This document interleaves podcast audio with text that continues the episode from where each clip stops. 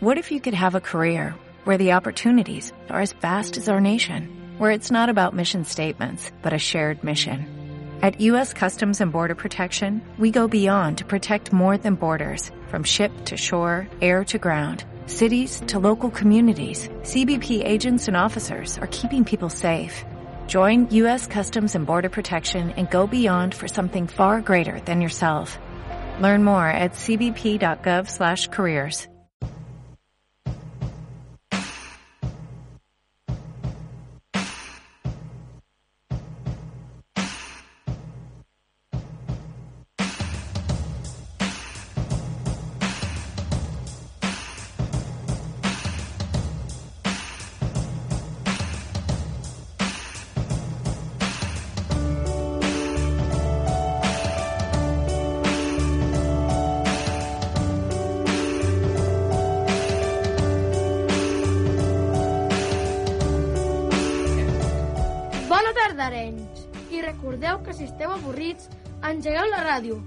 perquè ve una entrevista de lo més interessant.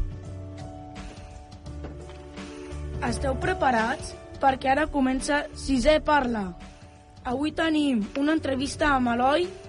Tomàs, un, un director i muntador de cinema que ara treballa a TV3. Serà una entrevista a la mar d'interessant i farà l'entrevista a la Carlota. Però abans us posarem una cançó de Melendi. La cançó es diu Mi primer beso.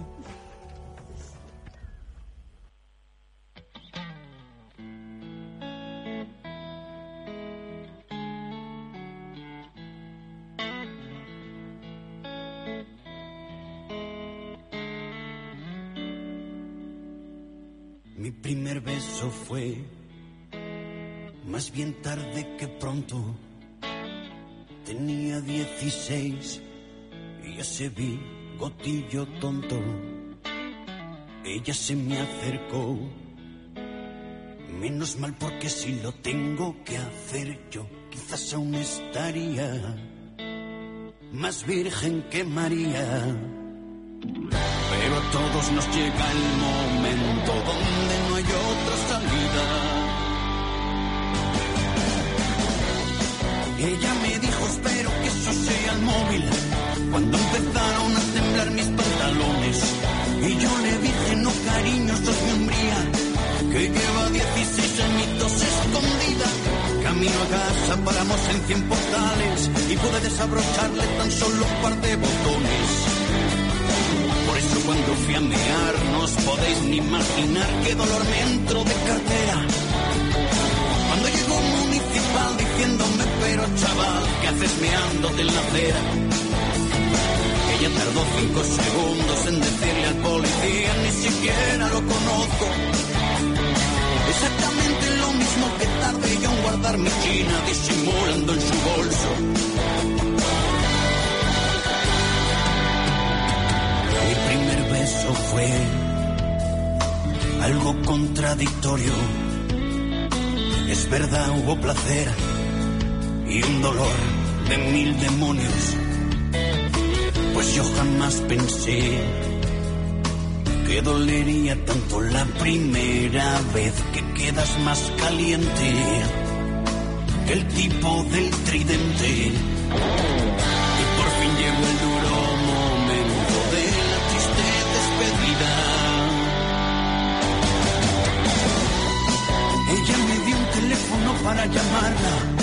Y resultó ser el de un restaurante chino.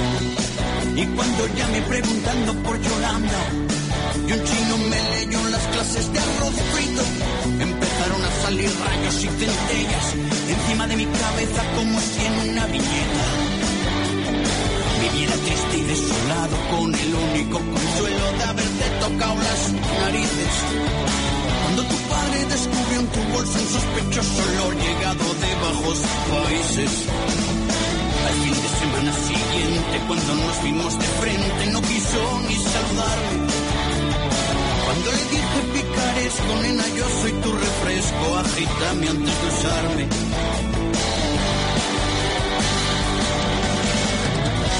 Y así fue como empezó mi andadura en peor es que pasa el tiempo y no he mejorado mucho.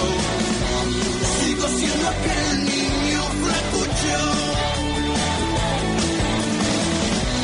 Lo que sí es verdad es que no he vuelto a besar ni lo volveré a hacer jamás con los ojos cerrados. Eso es solo para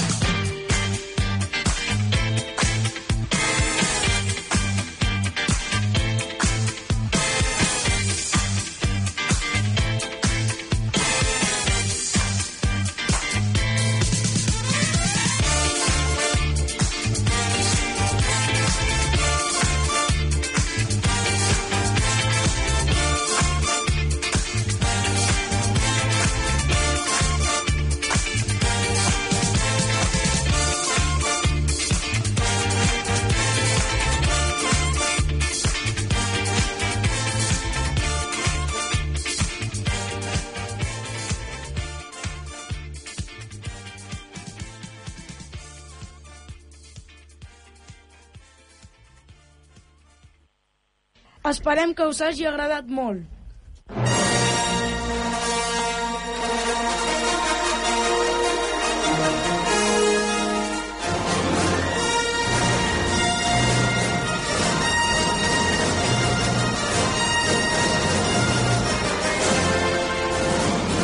Hola, bona tarda. Soc la Carlota i la responsable de l'entrevista. Avui tenim amb, nosaltres a l'Eloi Tomàs, director i muntador de cinema d'Arenys de Mar, que ha treballat en diversos projectes en diversos projectes. Ara està en el programa de preguntes freqüents, de TV3. Bona tarda, Eloi. Estàs preparat? Hola, bona tarda. Doncs sí, sí, estic preparat i després de tota aquesta música tan icònica del, del cinema, Star Wars, doncs encara més preparat, no? Sí. Et, primer et faré unes preguntes i me les has de contestar, d'acord? Molt bé. Això no en sé alguna? Passa alguna cosa? No. Ah, val. Mira. Comencem amb la primera. Quan fa que vas començar amb les pel·lícules? Doncs, de fet, jo em vaig graduar a l'any 2003 i eh, com a projecte de final de carrera doncs vaig fer una animació amb ninots de, de plastelina que animàvem fotograma a fotograma, això era en el 2004 i des de llavors doncs ja em puc considerar que ja em vaig començar a dedicar en, en aquest món. A més a més, poc temps després doncs, ja van sortir les meves primeres feines i diguem doncs, que he anat visquent o sobrevisquent en el món de l'audiovisual des de llavors, des de ja fa gairebé eh, 12-13 anys. I de muntador? De muntador igual, perquè la veritat és que eh, són coses que han anat una mica de la mà. De fet, jo em vaig especialitzar amb, amb la feina de, de muntatge, és a dir, quan vaig sortir de, de l'escola, que vaig estudiar cinema i audiovisuals, ja vaig sortir especialitzat amb, amb aquesta especialitat, i després, eh, coses de la vida, em vaig acabar convertint doncs, en guionista en alguns projectes i alguns altres doncs, em va tocar dirigir-los, no? I que jo sempre dic que sóc un eh, muntador, guionista, director amb aquest ordre, que moltes vegades és al revés, és un director que acaba muntant les seves pròpies històries, jo sóc un muntador que les he acabat escrivint, no? Una miqueta he fet el, ho he fet al revés. Quantes pel·lícules has fet? A veure, depèn del que es consideri pel·lícules, perquè, òbviament, aquí, dintre del món de l'audiovisual, al final acabes fent una mica de tot. Vull dir que he fet curtmetratges, he fet animacions, he treballat molt amb, amb televisió, sobretot he fet molts documentals i algunes pel·lícules. Eh, si ho suméssim tot, diríem que una cinquantena de projectes diferents, no? Déu-n'hi-do. és pel·lícules, pel·lícules, podria dir que n'he treballat amb quatre, i de documentals, doncs, uns, uns 10. I de curtmetratges també n'he fet uns 10 més. Doncs eh, estic aquí amb els meus companys i acaben de flipar del que acabes de dir. És veritat. A que sí? Sí, sí, sí, sí, sí. Sí. Bueno, anem amb la Per què? tercera. Per què, per què? Perquè ha fet més de 50 projectes.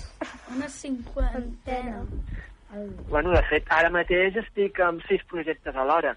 Vull Bueno. dir que la qüestió és no estar, no estar mai parat, no? De fet, eh, Sí, és una professió en què tu no has d'estar dels braços plegats i esperar que, que passin coses. És totalment el contrari, és ser un, eh, una professió, doncs, podem dir, doncs, aquest plus més, més artístic, vull dir, ningú t'impedeix agafar un bolígraf i escriure una història. I una vegada tens aquesta història escrita, doncs la pots ensenyar a la gent a veure si eh, entre els companys i amics doncs, aconsegueixes tenir la gent suficient per poder gravar-la amb una càmera de vídeo. I a partir d'aquí, doncs, una vegada la tens feta, doncs ho vols ensenyar a la família, després ho envies a, a festivals, no sé, vull dir, és un món en què realment, si un té ganes de fer coses, les fa. Anem amb la tercera pregunta. Quan eres petit, ja volies ser director de cinema? Doncs la veritat és que no. O sigui, la típica pregunta, què vols fer quan, quan siguis petit? Jo, pues, deia ric, no? Eh, qui no vol ser ric, no? De gran. Però no, no, no sabia com fer-ho. I, de fet, eh, sí que és cert que a mi des de petit sempre m'havia agradat molt el cinema. De fet, me'n recordo de, de petit, o sigui, de, de molt petit, hauria de tenir 5-6 anys sempre estava mirant les pel·lícules de, de Charlotte, en blanc i negre, mudes, vull dir que vaig començar a aficionar-me amb un cinema doncs, molt, molt primari. I, però clar, jo diguem doncs, que jo de petit doncs, anava al, al cinema al casal parroquial, que em quedava molt a prop de casa meva, i de fet no tenia cap problema en anar-hi sol. Jo em posava, la, inclús algunes vegades havia anat en el, en el cinema del casal parroquial amb, amb pijama. Vull dir, em posava l'abric a sobre i amb sabatilles i tot m'anava cap allà, veia un parell de pel·lícules i després doncs tornava cap a casa, tot sol.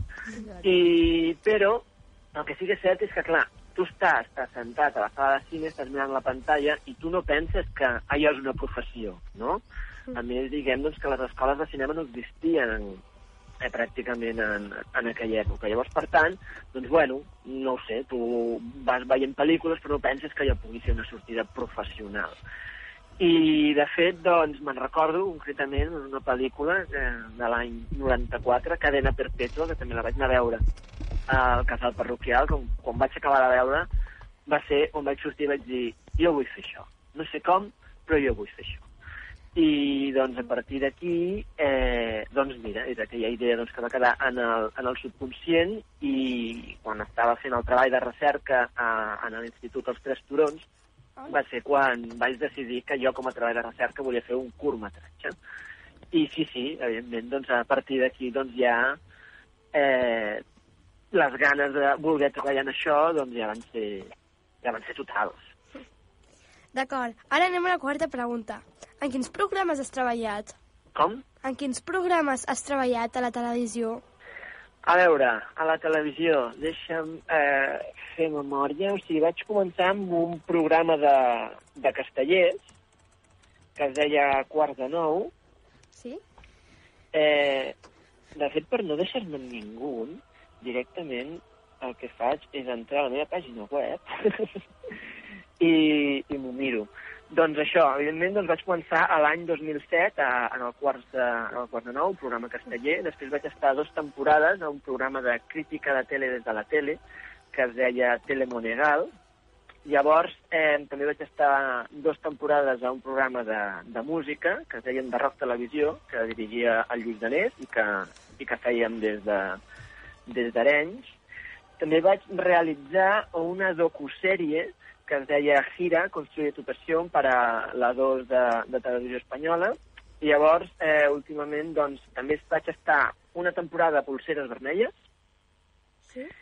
I també he estat a un altre programa que es deia, bueno, una sèrie de Televisió Espanyola que es deia Pelota. I en els últims anys he estat a Generació Digital, a Lo Happy Day, Hola. El Mago Pop, i ara estic al Preguntes que Cuents.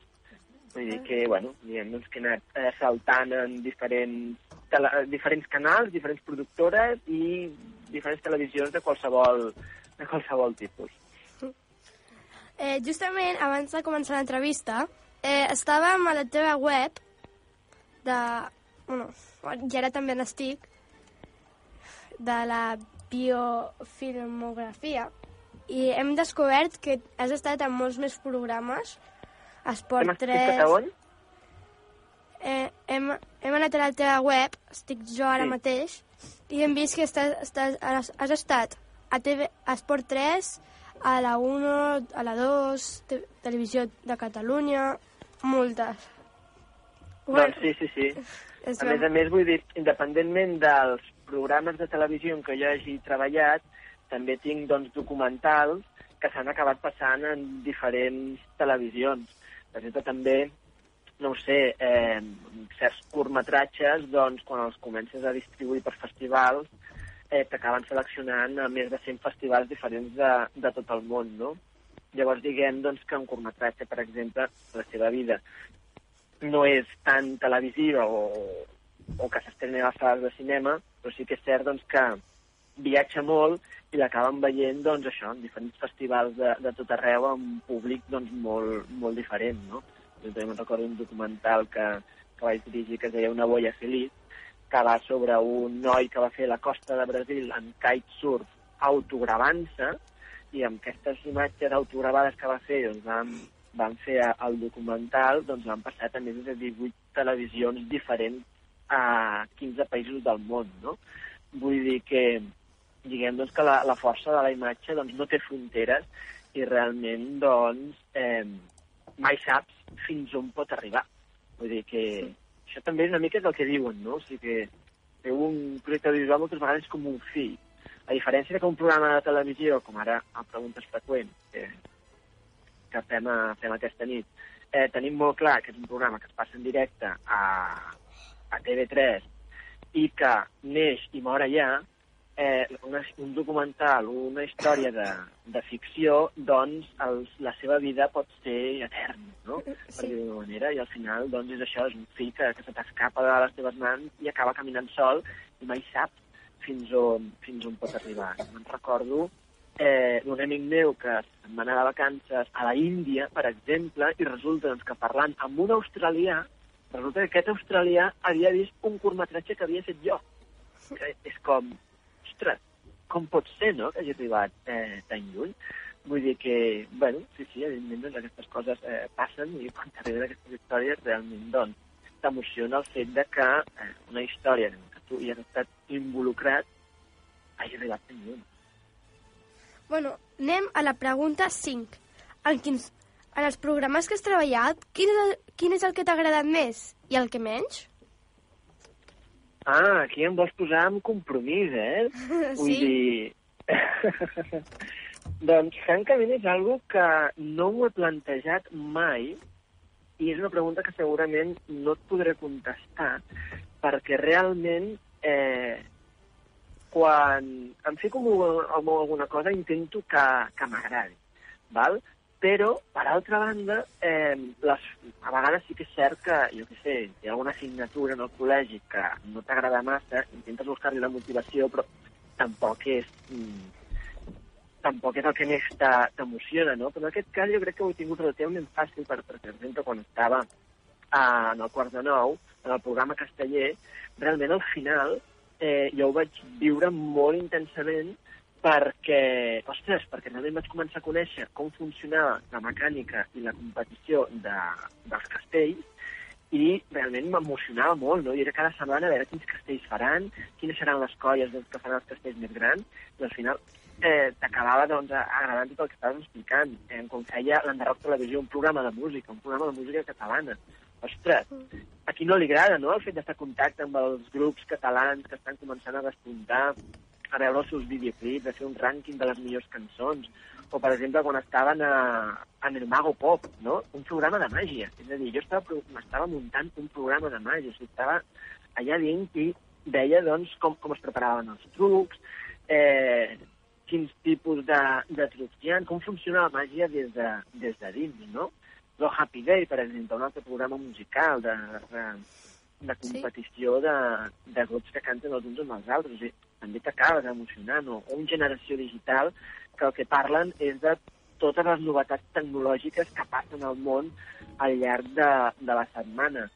Llavors, clar, i ara de cop i volta estic en un Preguntes Freqüents, que és un programa de debat polític en un moment històric tan important com és el que estem vivint ara, vosaltres en quin programa us quedaríeu? Bueno, vaig a la pregunta 6. Eh, ex- M'has d'explicar una anècdota divertida que t'hagi passat quan estaves gravant una pel·lícula. Una anècdota divertida. A veure... Doncs... Doncs, doncs... No sé per què em fas aquesta pregunta i em ve al cap el Quim Gutiérrez, que estàvem fent... Eh, estàvem rodant una pel·lícula dirigida pels germans Pastor que es deia Los últimos días, que era una pel·lícula postapocalíptica on, on Barcelona doncs, quedava completament buida i destrossada per culpa d'un atac mundial d'agorafòbia. Agorafòbia és quan eh, tens pànic a sortir al, al carrer, en una pel·lícula que si tu sorties al carrer t'agafava com, com un atac de cor i et mories, no? Llavors la, la gent havia de sobreviure tancats, eh, tancats a dins de, dels edificis. Doncs això, doncs resulta doncs, que bueno, estaven al rodatge i, i estaven al cotxe, en el mateix cotxe que, que el Quim, que el Quim Gutiérrez, no? Eh, diguem, doncs, que, bé, diguem que el Quim Gutiérrez és un actor jove, eh, que ja estava començant a despuntar, ja havia s'havia fet doncs, unes, quantes, unes quantes pel·lícules, i de fet me'n recordo que ell em va dir, ostres, tu ets el muntador, o sigui, tu estàs a, a muntatge, doncs, treballant amb tot el material i tal. Jo és que, clar, jo és que sóc actor, vull dir, jo sóc molt conscient doncs, de la feina que jo faig davant de càmera, però jo el que no entenc és el que passa a sala de muntatge, no? Vull dir, per què tardeu sis mesos en, a, en treure la, la pel·lícula, no? Vull dir, perquè, evidentment, quan tu rodes, vull dir, una pel·lícula roda amb un mes, un mes i mig com a molt, no? Vull dir, tot està com molt, molt programat, molt pautat, les hores estan, estan molt marcades amb el temps que ho has de fer, i de cop i volta s'ha el muntatge, estàs mig any, o sigui, mig any per posar un plan darrere l'altre. Llavors, clar, per altra banda, em va sorprendre molt que un actor d'aquestes característiques realment em fes aquesta pregunta, en plan, què passa a sala de muntatge? I és més, em va dir, "És que algun dia m'agradaria venir per veure-us treballar, no? I sempre dic doncs, que el muntador és el gran desconegut dins del món de l'audiovisual. No? Un professor sempre em deia doncs, que el muntador ha de ser invisible, ha de passar desapercebut. Tu, quan vas a veure una pel·lícula, no has de ser conscient que hi ha un muntatge. O sigui, tot, tota la informació tu l'has de rebre d'una forma doncs, molt, molt natural. No? I és una cosa doncs, que he anat veient al llarg del temps que hi ha molts actors i actors de pes que realment doncs, fan la seva part, eh, que bé, llegir el guió, és, és eh, tenir el personatge ben après, aportar les seves coses, però després no en té ni idea del que, del que passa, no? perquè hi ha molta més feina al darrere quan, quan una pel·lícula s'ha acabat de, de gravar. I, en fi, aquesta, i aquestes coses, doncs, a vegades et fa pensar, doncs, ostres, és bo que siguem tan invisibles? I després penses, "Mm, sí, jo crec que sí, perquè en el fons som els que movem els fils val, sense, que la, sense que la gent ho sàpiga, no? I a més a més, el que tampoc saben aquests actors és que la nostra feina moltes vegades és millorar la seva interpretació. Vull dir, agafem les millors eh, preses, eh, agafem paraules d'una altra, altra presa i la posem en boca eh, en el personatge amb una imatge que és interpretativament potser està millor. Vull dir que hi ha molts trucs doncs, perquè realment eh, una interpretació que sigui bona, realment fer-la molt més bona. No? Doncs bé, aquesta seria una mica l'anècdota que podria. Bueno, anem a la pregunta 7, la Sí. penúltima. Quina pel·lícula t'ha agradat més de les que coneixes? Una pel·lícula que què, perdó? Una, quina pel·lícula t'ha agradat més de les que coneixes? És que no t'he entès la pregunta. Quina pel·lícula t'ha agradat més de, la, de les que coneixes? Una pel·lícula m'agrada més, de no De les que coneixes. Ah, quina és la pel·lícula que més m'agrada? Sí. Val. Doncs uh, a dia d'avui la pel·lícula que més m'agrada és, de fet ja, ja hi he parlat, és aquella pel·lícula que quan la vaig veure vaig dir eh, jo em vull dedicar al món del cinema. I aquesta pel·lícula, doncs això, és Cadena Perpètua, de Frank Darabont, la primera pel·lícula que va dirigir Frank Darabont, eh, protagonitzada per Tim Robbins i Morgan Freeman, pel·lícula que passa tot a dins d'una presó, que no, és un gènere precisament que mai m'ha interessat massa, però el que passa allà dins és tan maca aquella història d'amistat que realment, doncs, a dia d'avui, i han passat uns quants anys, encara dic que aquesta, per mi, doncs, és la, la pel·lícula que més, més m'ha tocat. Ara, Per acabar, ens pots, Ah, per acabar. ens pots re recomanar una pel·lícula? Ai, senyor, ara sí m'agafeu m'agafeu amb el peu canviat. Eh, doncs, vosaltres que sou jove, no una, dues. O sigui, la setmana passada vaig anar a veure en pantalla gran Blade Runner, la pel·lícula original de l'any 82, i després, seguidament, vaig veure la, la continuació d'aquesta pel·lícula, que es roda 30 anys després de, de l'original, que és Blade Runner 2049, i la veritat és que eh, recomano que es puguin veure les dues eh, seguides per no perdre ningú tipus de detall i que un sigui conscient que realment als anys 80, o sigui, ja es feien unes pel·lícules tan ben fetes, jo realment vaig al·lucinar com la, la direcció artística, la fotografia i sobretot els efectes especials de la Blade Runner de l'any 82, estava ja veient en pantalla gran i deia, ostres, és que sembla fet ahir. És a dir, està tan ben feta i els efectes han aguantat tan bé el pas del temps que jo crec que la nova Blade Runner la veurem d'aquí un temps i ja ens començarà a xirriar una miqueta tot. No sé, per exemple, jo crec que mirem Avatar i hi ha moltes coses que dius "Mm, que no està massa bé, no?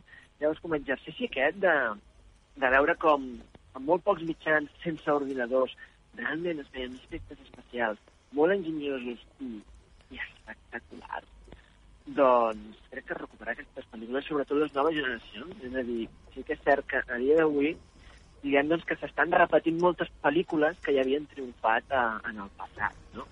Doncs crec que és interessant doncs, també veure-les, les originals, i anar fent, anar fent comparatives, perquè si en el fons tornen a fer un remake, que se'n diu, que és tornar a repetir una pel·lícula que ja havien fet, que en fi, hem fet abans, és perquè la pel·lícula original doncs, ja s'ha convertit en un clàssic, i si una pel·lícula és un clàssic, per algun motiu serà.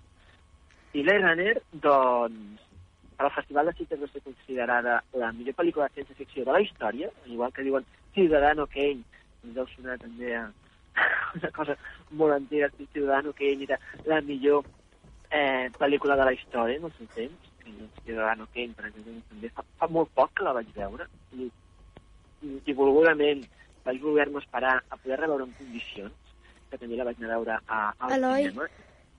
Digue'm. Eh, que volem acabar de fer una pregunta, per si algú vol Ah. fer una pregunta, que si no, no ens dona temps de fer... Jo sé que vull una Ah, molt bé, digues, digues. Aran? Preguntes. Jo de petit, el meu somni era ser director de cinema. Jo tinc un dubte, és un ofici, tu com el puntuaries? Més difícil com? que... El, el director de cinema, tu com el puntuaries? Més difícil que els altres, més fàcil que els altres o normal? A veure, he de puntuar el què? A l'ofici Del cinema. de ser director de cine, com el Sí, puntuaries? Més difícil que els altres, igual que els altres o més fàcil que els altres? Però qui són els altres? Que els altres oficis. Els altres oficis. És que us, sap greu, però és que us sento molt malament. Bueno, ja t'ho dic jo. Eh, ens pots puntuar de tan difícil que és, si és tan difícil eh, ser director i això. La, si ens pots puntuar la, la dificultat de ser director de cine. Tot vol dir Però que... Val, bueno, jo d'entrada et diria que és molt complicat ser-ho. Però en comparació amb què? amb els altres oficis. Més o menys per la mitja d'oci.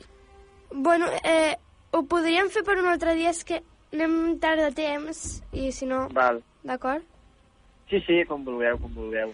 Bueno, espero que, que t'ho hagis passat bé i adeu fins aviat. Molt bé, moltes gràcies a vosaltres. Adeu.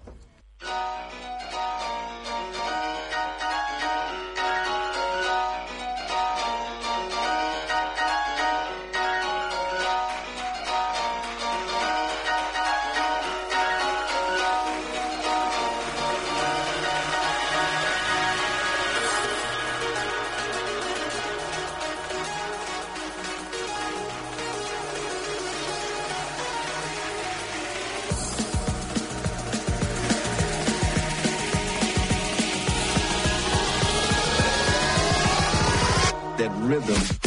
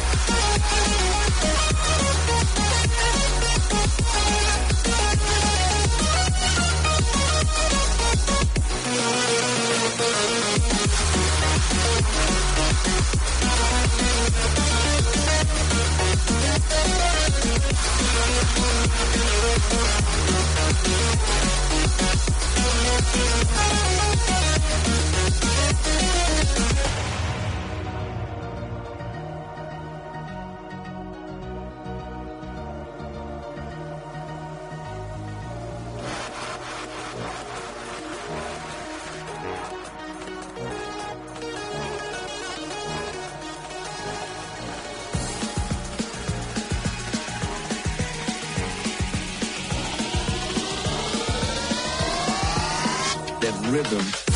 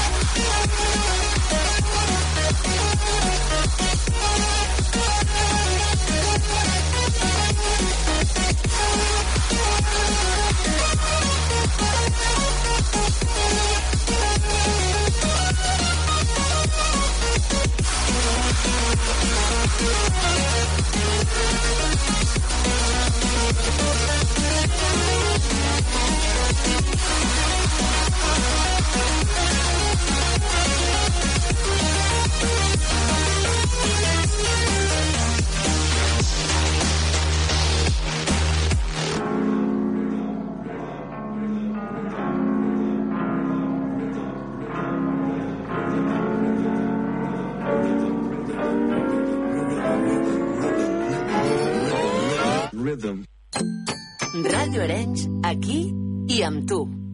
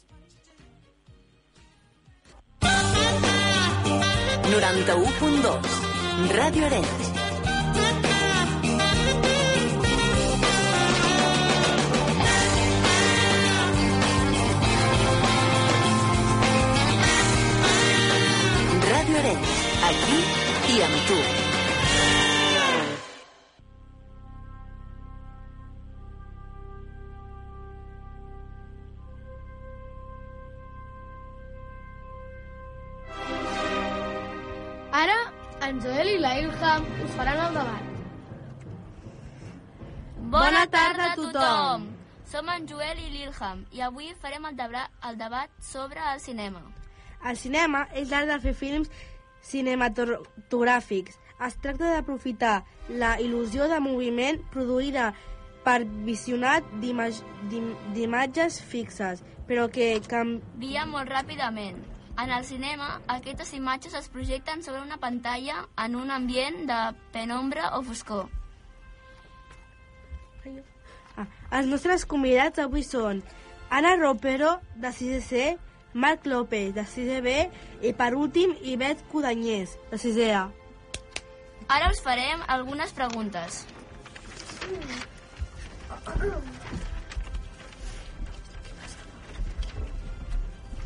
Quin tipus de pel·lícula... De quin, de quin tipus de pel·lícula us agrada? Carlota? D'acció i de comèdia. Anna? De por. Aran? De fantasia, sobretot. Ivet?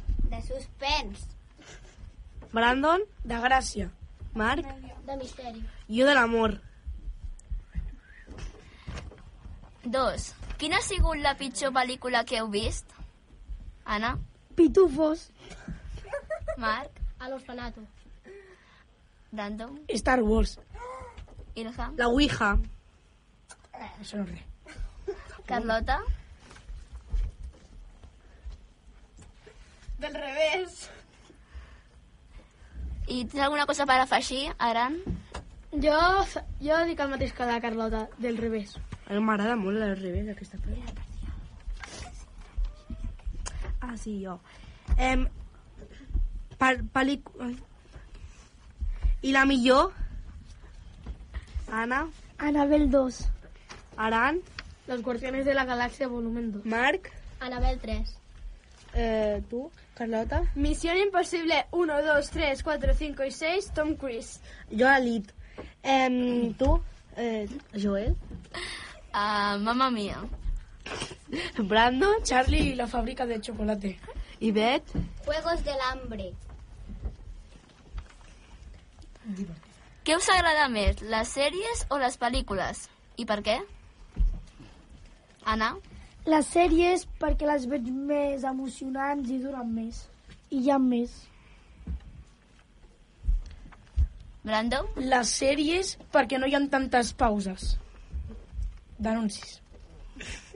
Aran?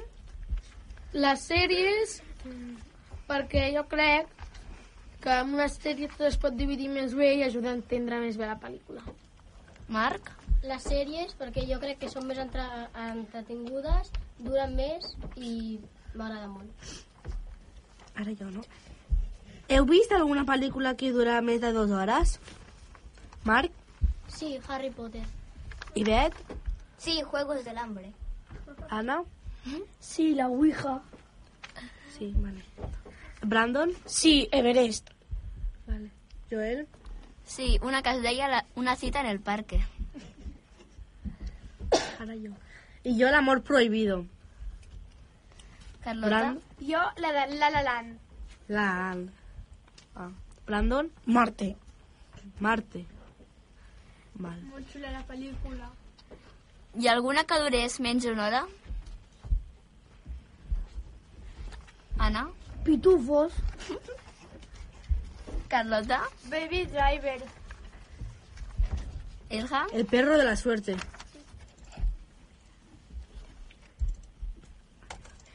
Us agrada, us agradaria treballar en, en l'ofici de cine, cinematogràfic?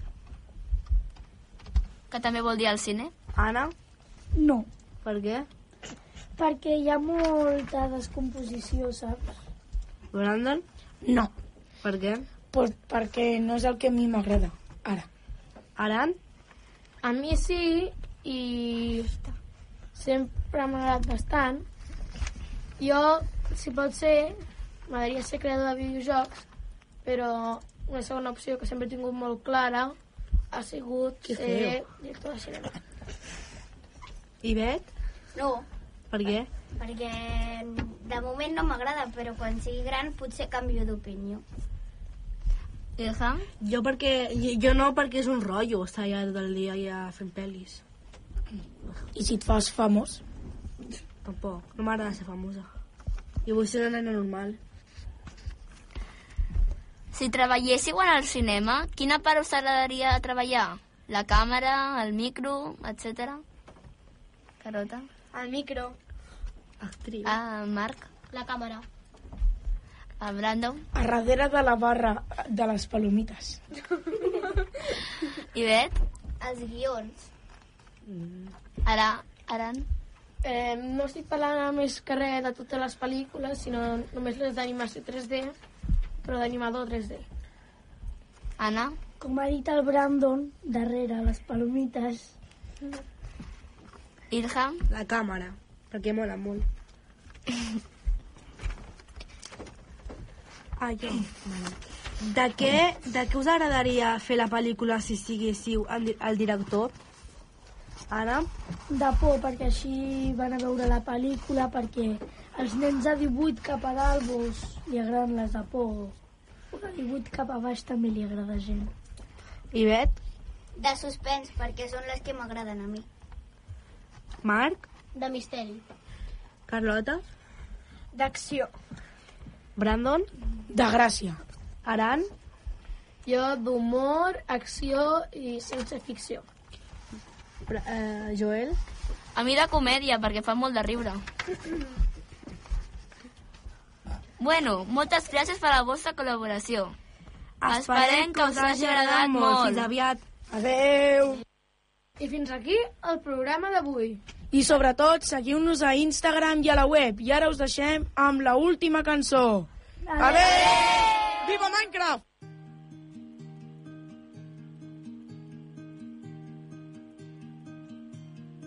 Sóc el fill d'un home senzill que dormia coloms amb la mà. Titular d'un càrrec de pes a casa de gent benestant. Capità del silenci quan toca la mesura perfecta i la puntualitat. Escrivà de paraules senzilles, els mots encreuats.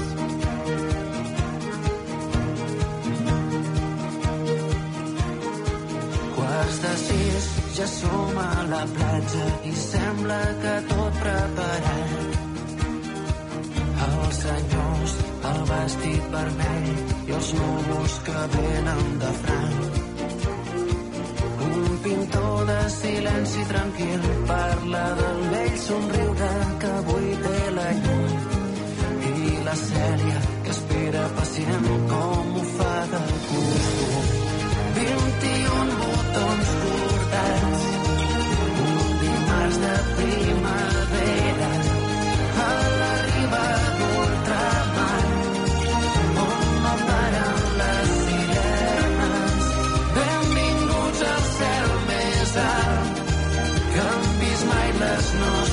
say.